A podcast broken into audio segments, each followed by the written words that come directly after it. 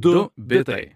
Laida Dubitai remia elektroninės komercijos marketingo automatizavimo platformą kuriantis Lietuvos startuolis Omnisend. Prisijung prie komandos omnisend.com. Jonas leido tai pradėti laidą. Sveiki klausytojai, čia laida Dubitai, kurioje kaip ir kiekvieną savaitę pasitengsime iš visų e, savo jėgų apžvelgti svarbiausias technologijų naujienas. Lukas Keraitis ir Jonas Lekiavičius prie mikrofonų. Labas Jonai. Labas Lukai. E, turim naujienų vieną, kitą, trečią, paklausysim dalykų. Pirmiausia, gal ir verta paminėti, Jonas atrado tokį įdomų dalykėlį, tokį išmislą, tai pavadinčiau, nežinau kaip tai padaryta, kaip tai veikia. Paslėptom žinutėm dirbtiniam intelekte. Taip, jisai, žodžiu, kam įdomu, tai nueikite į Facebook'o grupę technologijų naujienos, ten Jonas įkėlė paveikslėlį, nes Jonas man per Messengerį atsiunčia paveikslėlį, ten eina New York'e 4-5 žmonės juodai apsirengę ir aš galvoju, nu tai ką, ką man čia matyti ir sako, pažiūrėk iš toliau. Pažiūrėjau iš toliau ir tada, wow. Išlenda frazė, Taip. kai, viską, kai jis pakankamai sulieja vaizdą, pamatai, jog, wow, iš tiesų čia nėra tiesiog keturi žmonės, jie e, slepia anglišką žo, žodžio frazę obey. Ir čia nauja tokia. Taip, e, nauja tokia technika, kaip e, slėpti žinutes e, sugeneruotuose vaizduose, žaidžiant su šviesiom ir tamsiom zonom, taip galima visai paslėpti ir žmonės su tuo eksperimentuoja. Mhm. Beje, ta pati technika, kaip aš su QR kodais žaidžiau prieš kiek laiko. Taip, taip. Bet reikia pasakyti, kad tas paveikslėlis yra sugeneruotas dirbtinio intelekto. Tai yra, taip. kažkas paprašė sugeneruoti paveikslėlį, kur eina keturi žmonės, bet ir įdėk žodį kažkokiu būdu uh, obey, ar ne, ir tas žodis yra paslėptas. Jo, paslėp grafiką. Žmonės gali slėpti, ką tik nori, gali slėpti logotipus, gali slėpti visokius Wow. raštus.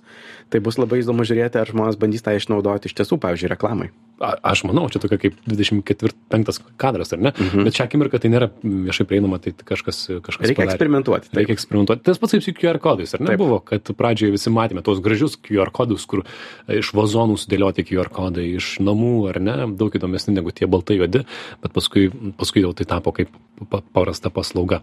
Tad pažiūrėkite, kam įdomu mūsų grupėje. O dabar naujienos pradėsime galbūt nuo muzikinių naujienų. Tai muzikinis intarpas jiem. Tai praėjusią savaitę vos mes įrašėme laidą, išėjo Stable Audio. Tai tie patys kuriejai, Stable AI, galbūt žinote, e, jie sukūrė Stable Diffusion, tai yra įrankį, su kuriuo galima kurti paveikslėlius, e, plačiai naudojamas, visai gerai žinomas, jie sukūrė Stable Audio. Ir čia yra ta vieta, kurios mes laukime, aš laukiau prieš metus ir sakėme, kad tai bus ir labai paprastai įrašai tekstą ir gauni muziką arba garso efektą ir panašiai. Tai yra dirbtinio intelekto įrankis kurti muzikai. Jisai yra kol kas labai paprastas, galima nemokamai 20 kartų susikurti muzikėlę po 45 sekundės, MP3 formatu parsisiųsti, e, kas nori jau daugiau, WAV kokybės ir panašiai turi pro versiją pirkti ir šiek tiek sumokėti, bet gana nedaug. Bet Mhm. e, Čia beje, aš manau, tai yra visai toks įdomus faktas, nes iki šiol tie Stability AI, jie viską paleidinėjo nemokamai kaip atviro kodo modelius ir buvo klausimas toksai, na tai o kur ir kada jau jie pradės pinigus užsidirbinėti. Tai panašu, kad tas Stable Audio yra toks jų pirmas produktas, kur nuo pat pradžios jie sako, na čia yra nemokama versija, bet atviro modelio nėra. Ir jeigu nori turėti jau kažkokį kokybiškesnį rezultatą, tai mokėk mums pinigus, taip kaip tą daro visi kiti, kaip tą daro OpenAI, kaip tą daro Midjourney. Kas visai logiška, ar ne? Taip. Bet tuo pačiu tai yra tam tikra naujo etapo pradžia. Mes jau kalbėjome apie garsą ir dirbtinį intelektą. Pagaliau yra ką galima išbandyti nemokamai ir visiems. Na ir pavyzdžiui, aš paprašiau sukurti muzikėlę, tai yra būgnų įžanga ir šventiška trimitų a, muzika, kai įžengia karalius į sceną. Paprašiau tokios, tokios muzikėlės ir sugeneravo štai ką.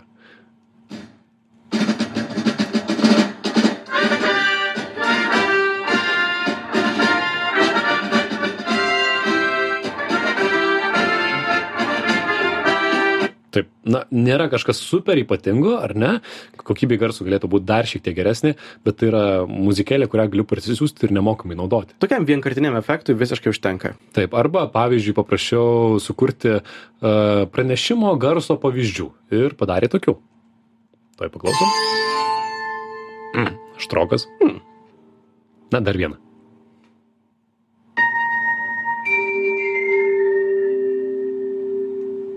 Kažkas į tą pusę, ar ne?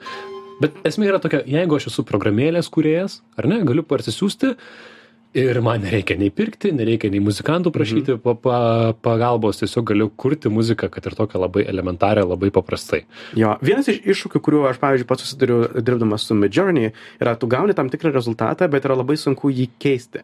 Pavyzdžiui nežinau supratai jog ten ta vidurinė galbūt yra įdomi bet per liūdnai skambanti. Na ir nieko nepadarysi. Reikia tada toliau eksperimentuot daug kartų kol pataikysi ant teisingo dirbtinio intelekto sugeneravimo labai mažai kontrolės tame turi. Taip. bet e, paeksperimentavimui aišku visiškai užtenka Taip, visai kontrolės nėra, bet vis tiek e, dar įdomumui galiu pasakyti, kad Stability AI naudojo audio biblioteką iš 800 tūkstančių audio failų, tai yra 20 tūkstančių valandų apmokytas jų modelis ir viskas yra licenzijuota, legalu, tad, nors kad ir kaip nekokybiška, vis tiek naudotina ir aš manau, kad tai atvers na, naujus lapus. Bet tuo pačiu, jeigu kažkam tai yra įdomu ir pasižaisti norisi, mums klausytojas ir e, Davidas Matačiūnas, kurį tarp kitko kalbinsime vienoje laidoje, bus interviu su juo, jis parekomendavo išbandyti Suno AI tokią tokią platformą nemokamą taip pat su kuria galima kurti muziką. Aš išbandžiau tiesiog vardan jūsų įdomumo.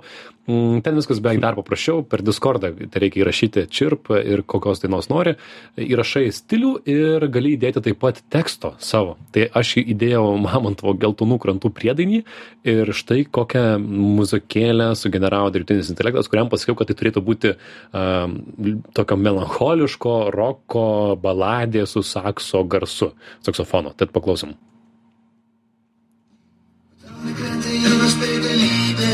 begalybė, švežantis vaikai smėlio pilyse. Mano pėdos ten dar neišsėtėme, kaip sugrįžta atgal kaip agacė. se nežinau kaip jum pavyko išgi suprasti lietuviškas na žodžius nes jie yra su anglų kalbos modeliu ar ne bet bet tiesą pasakius jeigu taip drąsiau pasakant tai ties čia mikutavičiaus karjera baigėsi jo iš mamontovo padarė truputį mikutavičių Tikrai padarė Mikutavičių. visiškai ne taip pat skamba kaip žinai mano galvoje skamba geltoni krantai bet e, Visai ne, bet na, aš tiesiog panaudojau tą tekstą ne, ir pamėginau Mhm. pataikyti kažką į tą pusę. Ir tai tikrai yra labai netobulą, turiu ten ir daugiau pavyzdžių, ir, ir selą bandau, bandžiau atkartoti ir panašiai. Ir, e, na, lietuviškai dainuoti jis nemoka, bet iš esmės tai yra garsas, kurį muzikantai, tarp kitko, ir, ir aš, ir mes su, su kolegomis siuntinėjome vienas kitam kaip demo įrašus, ar ne, kur, ei, paklausyk, mhm. realiai galima tokią dainą jau siūsti produceriui, kad jisai iš jos darytų į normalę, galima siūsti mm, rašytojui tekstų, kad rašytų tekstą ir tu turi jau pokyto pagrindą. Tai Taip. kam įdomu, įdėsime tikrai šaltinius, dubitai.com būna prierašai, taip pat Spotify'e rasite ir galite išbandyti. Aš tiesą pasakius, jeigu dabar būčiau, nežinau, 17 metais, norintis pradėti muzikuoti, galbūt nemokyčiausi gitara, o eičiau į šitus, šitas paslaugas ir su jomis žaiščiau. Ir e, čia yra dar tik tokia pradžių pradžia to, kas pasirodys. Visi dabar mhm. tiek kurs nesąmonių ir tokių keistų garsų bus ir tuo pačiu visi stiliai, kurie yra per vidurį, kurie yra nuobodus, kuriuos gali sukurti parašęs tekstu alternative rock song, mhm. jie taps Arba nebeaktualūs. kažkas, kur net, pavyzdžiui, nereikia žodžių kūrybos, ten koks nors lo-fi hip-hopas. Tas buvo beje labai populiarus dažnas pavyzdys pačių šitų Stability AI su Stable Audio. Gana sėkmingai generuoja tokią, na, tiesiog foninę muzikėlę, kur nereikia jokio gilaus turinio, tiesiog nori užkišti kažkuo ausis, mhm. laisvai gali Taip. nesibaigiantį srautą tau sugeneruotų kūrinėlių. Taip, ir tai ateina, aišku, į pačias programas, su kuriamis kuri turinį. Pavyzdžiui, jau dabar Adobe Photoshopas ir kiti turi pažymę tik tai norimą savo vietą, įrašai ten, įdėk kačiuko paveikslėlį ir viskas. Tai jau dabar tai ateina, kad gali įrašyti va tas pats hip hopo bitai ir tau nereikia parsisiųsti, nereikia ieškoti, tiesiog muzika yra generuojama iš oro. Crazy. Tikrai tapsim, liksime be darbo mes visi. Mano išvada tokia. Tai va, kam įdomu, pamėginkite pakurti muzikos, e, įdėsime taip pat į Facebook grupę, galėsite pa- pasidalinti, kas ką sukūrėte. O kita naujiena yra apie naujausią iOS 17 jau atnaujinimą, kas jame naujo papasakos Jonas. Praeitą savaitę šnekėjome apie naujus iPhone'us, o šią savaitę ta proga, kai yra nauji iPhone'ai, išėjo ir naujos operacinės versijos visom Apple operaciniam sistemam. Um, aš pats naudojau visą vasarą jų beta versijas, tai galėjau išbandyti, pažiūrėti, kurio, kurios funkcijos yra iš tiesų smagios ir naudingos, kurios yra, na, tik tai skamba įdomiai. Tai aišku, visiems įdomiausia turbūt, kas yra naujo iPhone'uose su iOS 17. Man geriausia funkcija yra tai, ką jie vadina standby režimu jeigu turi tuos magnetinius pakrovimo MagSafe pakrovėjus, kur gali tiesiog prikabinti magnetiniu būdu telefoną ir jisai kraunasi, iki šiol jisai nieko protingo nedarė, tiesiog krovėsi. Dabar jisai gali veikti kaip toks mini ekranėlis, rodyti tau įdomiausius statusus. Jeigu, žodžiu, tiesiog horizontaliai padedi jį krautis, jisai įsijungia automatiškai tą režimą ir rodo, pavyzdžiui, laikrodį ir kalendorius įvykius aš esu prie savo darbo stalo pasistatęs jog man rodytų artimiausių keturių valandų orą ir mano ateinančius susitikimus su žmonėm toks labai patogus papildomas ekranėlis statusai labai lengva susikonfigūruot net miego režimui esu pasidaręs kitą dalyką kur tiesiog rodo laikrodį labai gera gera funkcijėlė kasdieną naudoju rekomenduoju išbandyti miego režimu rašyti eik, eik miegot. Bet keista, kad tiek laiko užtruko padaryti tokią paprastą funkciją. na reikia sugalvot tą idėją jog tu gali išnaudoti besikraunant telefoną Ai, kaip a, kaip Na, naują ekraną visai įdomi. Sakykime, atiduodu jam šitą. Gerai. Um, kita man populiaru f- funkcija, bet žinau, jog čia truputuką profesional, profesionalams, taip sakant, telefonų yra interaktyvūs widgetai arba valdikliai. Tai buvo prieš du metus tokia pristatyta funkcija prisidėti tokius didesnius blokus su informacija į savo home screeną, pradinį tą langą. Dabar jie gali veikti kaip tokios mini programėlės. Pavyzdžiui, tau nereikia net kažko pasileisti, gali, tarkim, pažymėti elektroninį laišką kaip perskaitytą tiesiog iš uh, Tame mini langelėje. mini langelėje. Androido vartotojai sako sveikas atvykęs į daugmaž 2011-osius, Ta, bet e, mes džiaugiamės, jog tai turime. A, Vieną funkciją bandėme prieš laidą su, a, su Luku išsibandyti, tai yra kontaktų plakatai, kurie teoriškai turėjo būti, jog kai tu skambini kitiems, e, tu jau jų telefonuose pasirodytum kaip, na, kaip tu pats save esi suko- sukomponavęs. Kokią nuotrauką pasirenki, kaip nori, jog tavo vardas būtų parašytas, bet mums kol kas neveikia. taip, nors galim pademonstruoti, kaip tai veikia, gal einam, galim kas su kamerom dabar žiūri. Suliečiam du telefonus, kas man primena 2006 ir irda laikus, kai per reikėdavo suliesti telefonus, kad kažkas įvyko? kažkas persikeltų. Uh, bet žodžiu, aš susikūriau savo irgi plakatėlį, Jonas turėtų matyti mane su mano faina nuotrauka, bet dėja tai neveikia. Tad Kažkas neveikia. Ir neveikia. Nors šiaip teoriškai tai turėtų būti toksai visai, atsiprašau už tą žodį flexas, kad Jo. prieini su iPhone'ais, apsikeičiam kontaktais ir prim, pridedi ir pėjom, apsikeitai kontaktais, bet Taip. neveikia. Na ir keletas smulkmenų galui, tai uh, Siri dabar jau galima iškviesti be hei žodžio, tai aš irgi prie to labai pripratau. Uh, šunis ir kates jūsų uh, augintinius atpažins nuotraukos ir kategorizuos, tai tampa tikrais šeimos uh, nariais. Um, Ir a, žymiai geresnis autokorektas klaviatūroje. Jis net išmoks naudoti tuos žodžius, kuriuos tu naudoji, nebetaiso tavęs. Jeigu tu nori keiktis, tai leis tau keiktis. O. E, Na ir daug kitų funkcijų mūsų šalia, šalyje tai nebus taip aktualu, kaip pavyzdžiui Apple Maps, nežinau kas naudojasi, tai net ir neįdomu, kas naujo. Um, kitas atnaujinimų blokelis yra AirPodams. Žinau, tu esi labai excited tuo. Taip. Uh, Buvau. Jie, buvai. Jie padarė naujus audio algoritmus. Vienas iš jų yra tai, ką jie vadina adaptive audio, kuris protingai filtruoja garsus, kuriuos tau praleisti, o kuriuos bandyt blokuoti. Tai tas veikia pakankamai neblogai. Taip, čia, ne, aš noriu pasakyti, kad čia yra super, super kietas dalykas, jeigu veiktų kaip žada, ar ne. Tai yra, kad, na, šiek tiek šiol yra su AirPodsais, yra du režimai, arba tau už, užslegia visą garsą ir tu tyliai saubuni, arba, arba girdi aplinką, ir čia yra vidurinis variantas, kai tu pasisukai žmogui, jisai kalba ir praleidžia tik jo balsą. Taip. Kas, nu, skamba futuristiškai, pripažinkime. Taip. Ir šiaip labai aš tokią funkciją turėdamas, atrodo, kažin ar išsijungčiau ir iš- išsimčiau juos iš ausų, nes tu kur pasisukai, tą girdi. Tai yra labai jėga. Mhm. Ir su to susijęs da- dar tokia papildoma funkcija yra tai, ką jie vadina conversational awareness arba supratimas, jog tu esi pokalbėje. Jeigu tu kaip žmogus su AirPodais pasakai kažkokią frazę, tai muzika arba podcastas tiesiog nutyla, uh, pereina į pauzę ir gali tiesiog šnekėtis. Man tai labai neveikia, nes aš einu miestu, klausu po podcast'o ir tada pradedu juoktis dėl kur, kurioje nors vietoje. Ir tada mano podcast'as sustoja ir aš nebegaliu juoktis toliau. Ai, nes galvoju, kad kalbė, ar ne? Taip. Tai va, tokia funkcija, kurią aš iškart išjungiau. Na taip, o, o man prisipažinsiu, aš turiu na, pro, pro ir pocus ir tą funkciją viską atnaujinu ir neveikia. Tai jeigu neveikia, tai pakentėkit kaip ir aš, Jonui veikia, man neveikia, abu bandėm. Tokia realybė yra, kartais norisi papasakot, kaip, kaip yra, Na, ne tik kaip teorijoje, ar ne? pirmą savaitę, kaip išėjo iš tos operacinės, tai dar duokim jam laiko nusileisti ant žemės. Kitoms operacinėms galima greičiau praskrieti, tai šiaip didžiausi atnaujinimai yra laikrodžio operaciniai, dešimtoji versija, visiškai naujas dizainas, visai kitaip pa- paleidžiamos programėlės kitaip veikia kontrol centras ir didžiausia tokia naujiena yra vėlgi tie patys widžetai tokie kuriuos gali susidėlioti em, na žemiau savo a, laikrodžio ciferblato ir a, turėti taip vadinamą smart stacką su visokia informacija. Tai visai įdomu. A, kita tokia funkcija yra seka kiek laiko būni saulėje ir sako jog taip bandys kovoti prieš trumparegystę kuri pasireiškia todėl jog žmonės nepakankamai būna saulėje. Wow. Čia labai daug naujų faktų man, kad ir kad saulė nuo saulės trumparegystė. A, gerai, Apple taip gal žinau.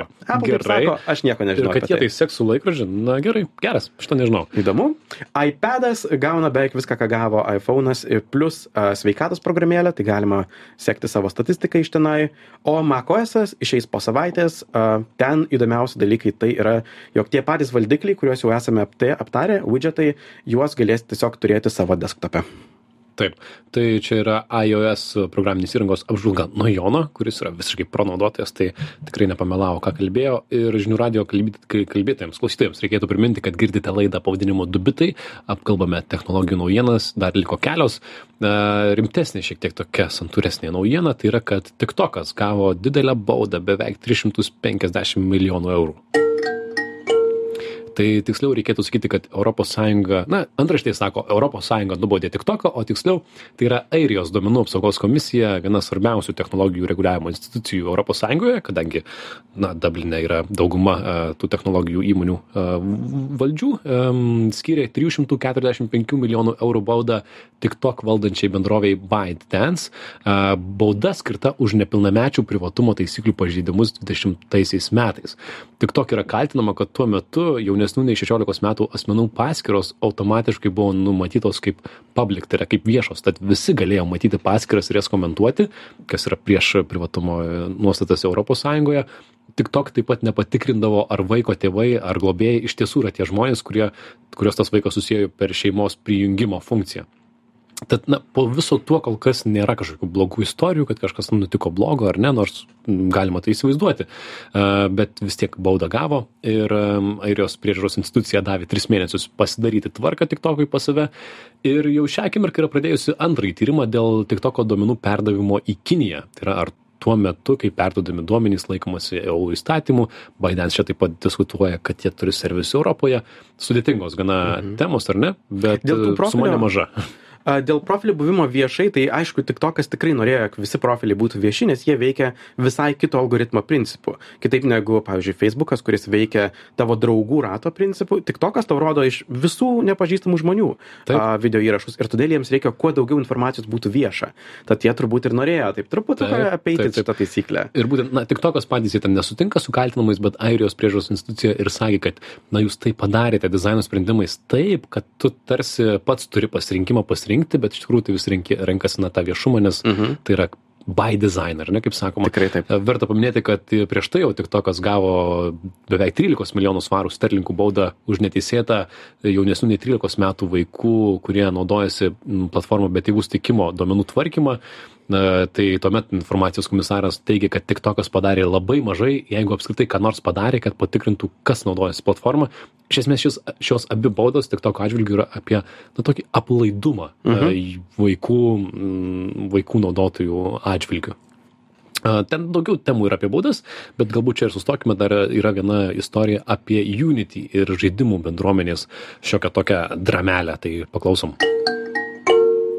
Visiškai taip. Žaidimų pasaulyje praeitą savaitę buvo toks e, chaosas ir o, uraganas pavadinimu e, Unity drama. Taip, net mano Facebook'o postai, kur aš net nežinau, kad tie žmonės su, su žaidimais turi kažką bendro, matau visi kalba. U. Taip, kas tas Unity? Jie kūrė populiariausią pasaulyje žaidimo variklį. Tai yra tokia bazinė kodo platforma, e, kurią žaidimų programuotojai gali išnaudoti, na, supaprastinti savo žaidimų kūrimą. Jokiems nereikėtų galvoti apie tai ten kaip tekstūras krauti į, į Taip. atmintį. Ir, na, ši kompanija sukėlė tokį, uh, tokias didelės bangas, jog šimtai skirtingų studijų pasakė, jog perdarys savo žaidimus iš šio variklio į kažką kito. Uh, na, kodėl jie tai pasakė, čia truputį reikia jau ženg- žengti žingsnį atgal ir papasakoti visą prieš istoriją. Unity turi konkurentų, jie nėra vienintelis variklis. Galbūt yra tekę girdėti apie Unreal arba jų atviro kodo konkurentą Godo, bet beveik 70 procentų žaidimų yra išleidžiami ant Unity. Jie labai gerai veikia telefonuose, labai tinkina beveik visi telefonų žaidimai, kurio žaidžiate, yra sukurti su Unity. Ir kaip kompanija Unity išgyvena pakankamai sunkius laikus. Jų planas originalus buvo būti šitą populiariausią platformą um, ir ją pardavinėti pakankamai pigiai, jog kuo daugiau žaidimų būtų per juos sukurta ir tuomet kurti savo reklamos platformą, leisti žaidimų kuriejams įdėti jų reklamas, na ir iš to pasidalinti bendru pelnu. Mm. Bet tada Apple išleido App Tracking Transparency, tą tokią nesekimo platformą, kurie pribojo, kiek uh, programėlės gali surinkti informacijos iš vartotojų ir staiga sugriuvo jų visi reklamos planai ir reikėjo galvoti, okei, okay, kaip dabar užsidirbti toliau. Tad prieš savaitę jie paskelbė savo naują kainodarą to antraštė ir pagrindinė informacija yra, jog jie nori rinkti pinigus už kiekvieną instaliaciją. Net jeigu žmogus nieko nenusiperka žaidime, iki 20 centų už vieną instaliavimą. Ir jie patys paskaičiuotų, kiek pas tave tų instaliavimų yra, taip sakant, pasitikėkime uh, jais, jog jie teisingai tą suskaičiuos kaina galiotų nuo sausio pirmos visiem žaidimam net tiem kurie išleisti prieš dešim metų. Tad taip sakant būdo persigalvoti nėra. Taip ir už tai mokėtų žaidimų kūrėjai. Jiems unity teisingai būtent ne, ne, žaid, ne mhm. žaidėjai bet patys žaidimų kūrėjai turėtų už kiekvieną žaidėjų už instaliavimą perduoti pinigus savo tiems variklio kūrėjams Visiškai taip. Ir instaliavimo kainos yra labai problematiškos, nes vėlgi ne visi žaidimai kainuoja pinigus. Jeigu tu pardavinėjai žaidimų už 10 dolerių, tai 20 centų ne problema. Bet dauguma žaidimų mes esame pratę yra nemokami. Ir tuomet yra klausimas, kiek daug procentų atiduosi, atiduosi Unity. Viena studija pasidalino savo statistiką, jog jie būtų skolingi 105 procentus savo pajamų. Daugiau nei uždirba. Ir žmonėms kilo daugybė klausimų, kaip atsekti, kaip jie atseks, kiek ten tų instaliacijų, kaip atseks, jog žmonės, pavyzdžiui, jiems nemeluoja ir a, nesukuria šimtų tūkstančių klaidingų instaliacijų, tam jog iš jų pavokti pinigus, a, kaip elgsis su, pavyzdžiui, žaidimų prenumeratomis, krūvas klausimų, į kuriuos jie neturėjo gerų atsakymų. Ir bendrai, na, joks atsakymas turbūt nepatenkintų šiuo atveju žaidimų kuriejai, kurie visiškai nebuvo prie to su tuo sutikę. Ir čia prasideda būtent studijų atsakymai. A, viena studija sako, mes ištrinsime savo žaidimą sausio pirmą dieną, jo nebegalėsim Aš. žaisti. Among Us, vienas populiariausių žaidimų, sako, mes perrašysime savo žaidimą, jau esamą žaidimą į naują variklį Kas Vilniuje, yra Sizifo darbas? Visiškai. Ouch. Vilniuje esanti studija No Breaks Game pasakė, jog svarsto, ar perrašys savo dar neišleistą naują žaidimą, vėlgi kitą variklį. Ir tą sako dauguma studijų. Galbūt perrašyti esamą žaidimą yra per sudėtinga, bet ateityje nieko nebekurtų su Unity. Uh, o jų didžiausias konkurentas uh, reklamos industrijoje, AppLovin, net pradėjo kurti projektą automatiniam projektų konvertavimui į kitus reikia, įrankius. Reikia išnaudoti. Toks durys į nugarą. Taip. Uh, tad tikrai aš nebijoju, Unity tikėjosi nepasitenkinimo, visgi kai taip smarkiai pakeiti naudojimo sąlygas, negali tikėtis, jog žmonės džiaugsis, jog moka daugiau, bet manau nesitikėjo tokio didelio pasipiktinimo vadovybė beje iš vidaus įmonės buvo informuota jog tai ką jie daro tikrai žmonėms nepatiks. Vos paskelbus naujienas iš darbo išėjo grupelė darbuotojų bet akivaizdu jog a na reaguoja. Bloomberg žiniomis unity persvarsto čia tokia nutekinta neoficiali informacija nu e, svarsto jog visgi apriboti iki kokių keturių procentų įmonės pajamų visą surinkimą Um, aš nežinau, ar to užteks, nes manau pagrindinis dalykas, ką jie sulaužė, yra savo pažadus. Pažadus, jog jie nekeis uh, naudojimo taisyklių uh, jau išleidus žaidimą. Uh, kažkokį supratimą, jog mes kartu judame į priekį ir gali pasitikėti savo uh, verslo partnerių uh, variklio kuriejų. Taip, man labai patinka šitos istorijos, kurias ištraukia, jos gana sudėtingos būna, bet jos apie verslo modelio pokyčius ir apie tai, kaip ekosistema viena ar kita lūšta, jau girdėjom panašių e, istorijų apie, su Netflix, ar ne, kaip keičiant verslo modelį, visi žaidėjai ekosistemoje tai, tai yra paveikiami, ar ne? Ir šiek tiek netgi primena Reddito istoriją, kuri šiek tiek anksčiau vyko, bet irgi kai kuriejai pykstasi su savo naudotojais arba mhm. bando iš jų numelžti pinigus ir to, tuo pačiu šauna savo į koją. Taip, ir žengia kai kuriais atvejais penkiais žingsniais per toli kažkurios raudonos linijos ir tada uh, taip smarkiai per toli yra peržengta, jog nebesusigražinsi atgal pasitikėjimo, um, nebeatstatysi atgal situacijos, kaip buvo, nesvarbu, kaip atsiprašinėsi. Taip, ir čia labiausiai gaila žaidimų kuriejų studijų, kurios, na, kuriam tai yra tiesiog keičiasi viskas ar ne šią akimirką ir tuo pačiu žaidėjai per visą šitą sumaištį gaus mažiau ir prastesnių žaidimų, nes reikės užsimti kažkokiais šiek tiek niekais. Taip, kurie, kai kurie tiesiog atvirai sako, jog, na, mes planavom išleisti žaidimą, tarkim, metų pradžioje, bet mūsų leidėjas atsisako leisti žaidimą sukurti su Unity, laikas perkurti žaidimą nuo nulio. Wow. Bet iš tikrųjų, jeigu imtų ir perdarytų žaidimą iki to variklio, tai Ah, kažin ar neišeitų iš darbo tie, kam reikia tai perdaryti, nes tiesiog toks birgždokas darbas. E, bet čia šiandien tikriausiai ir sustosim. Dar turėjome kelias naujienas, kurios visą laiką turim pabaigoje kelias naujienas, kurios netelpa. Ką jau darysi, grįšim kitą savaitę. Čia buvo laida Dubitai, Lukas Keraitis ir Jonas Lekevičius. Dubitai.com yra mūsų šaltiniai bei nuorodos į tas svetainės, kurias paminėjome. Technologijų naujienos Facebook'o grupėje pasidalinsime ir tą muziką, ir dar Jono a, tuo paveikslėliu su užkoduota žinute. Ir žinių radijos svetainėje žiniųradijas.lt bei Spotify'e rasite visas mūsų laidas. Sakom, iki kitos savaitės. Iki. Iki. Prr. Du bitai. Laida Dubitai remia elektroninės komercijos marketingo automatizavimo platformą kuriantis Lietuvos startuolis Omnisend. Prisijung prie komandos omnisend.com.